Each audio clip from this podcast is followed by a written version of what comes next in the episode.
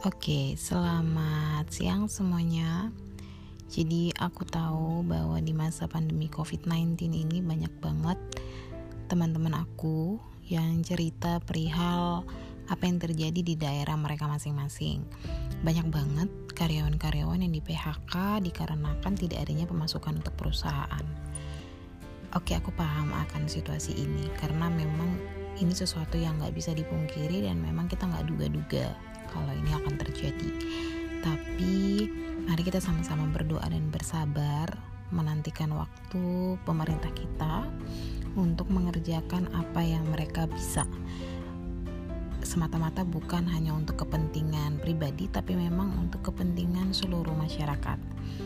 Jadi buat rekan-rekan, buat teman-teman aku yang saat ini sedang mengalami kesedihan akibat di PHK, aku percaya bahwa semua ini akan berlalu. Jadi tetap semangat memperbaiki diri, mengembangkan kreativitas yang ada dalam diri masing-masing, membuka usaha untuk tetap melanjutkan hidup dan tentunya kita harus yakin dan percaya bahwa segala sesuatunya akan indah pada akhirnya.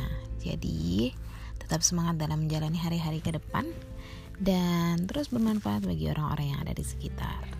Oke, selamat siang.